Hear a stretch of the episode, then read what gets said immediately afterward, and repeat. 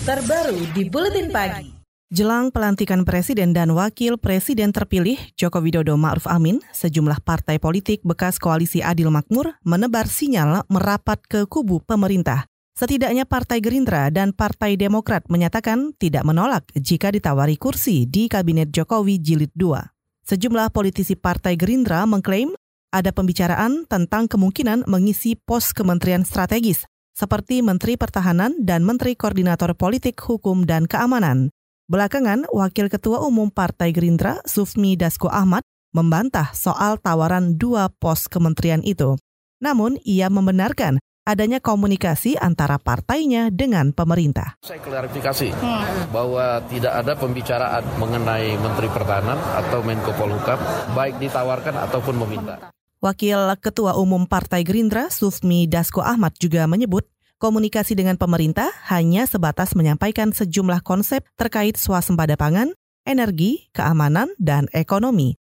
Menurutnya, jika konsep-konsep itu diterima, mungkin Gerindra akan mengisi kursi Menteri Pertanian.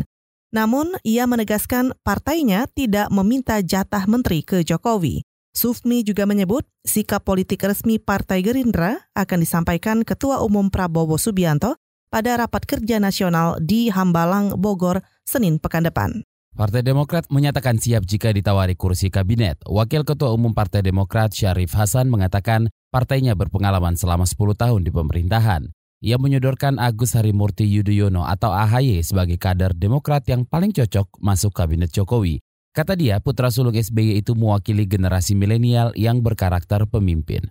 Dan tentunya eh, kalau diminta, Partai Demokrat siap untuk memberikan yang terbaik. Memang Mas Ahaye saya pikir yang paling yang paling menonjol saat ini sebagai representasi dari generasi milenial, milenial Indonesia yang merupakan kader-kader yang dipersiapkan untuk menjadi pemimpin ke depan, tentunya beliau siap. Wakil Ketua Umum Partai Demokrat Syarif Hasan mengatakan tak meminta ataupun memaksa Jokowi memilih AHY.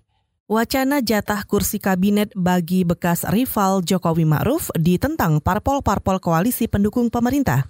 Politikus PDIP Arya Bima yakin Jokowi akan berkonsultasi dengan pimpinan partai-partai pengusungnya tentang komposisi kabinet. Bicaraan misalnya Bu Mega sama Pak Jokowi sudah bertemu berapa kali.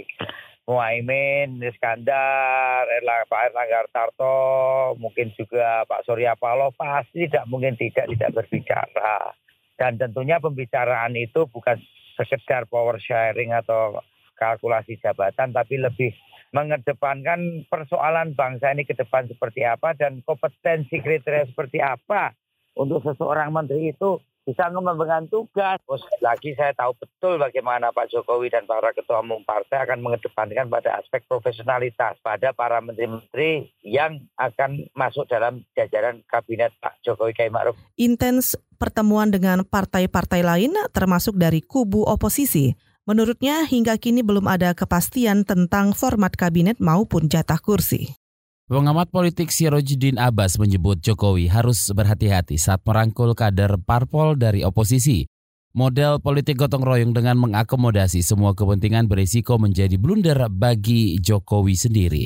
Argumen tentang gotong royong dalam bentuk akomodasi kekuasaan itu biasanya justru membuat koalisi menjadi berat, inefisien bahkan cenderung membuka ruang konflik. Itu yang dialami juga pada Pak SBY periode kedua 2009-2014 mengakomodasi banyak pihak lalu menciptakan posisi-posisi baru misalnya uh, wakil menteri tapi efektivitasnya tidak mengalami perbaikan signifikan. Itu tadi pengamat politik Sirojudin Abbas.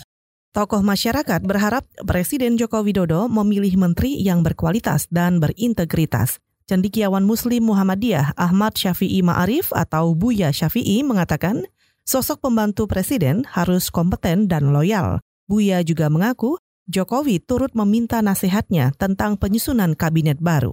Jadi ada soal integritas, kompetensi, ya, profesionalisme. Boleh dari partai, jadi tidak apa-apa ya. Tapi jadi orang-orang yang betul-betul yang setia kepada presiden di sana itu. Jangan yang bikin kacau. Buya Safi'i Ma'arif juga meminta Jokowi mempertimbangkan kader Muhammadiyah untuk mengisi pos menteri di Kabinet Jilid 2. Salah satunya Muhajir Effendi yang saat ini menjabat Menteri Pendidikan. Sebelumnya, Presiden Jokowi pada Agustus lalu mengklaim Kabinet Kerja Jilid 2 sudah final dan tinggal diumumkan. Komposisi kabinet akan didominasi kalangan profesional ketimbang parpol dengan perbandingan 55 banding 45. Jumlah nomenklatur kementerian tetap 34, tetapi bakal ada penggabungan atau pembentukan kementerian baru. KBR, inspiratif, terpercaya.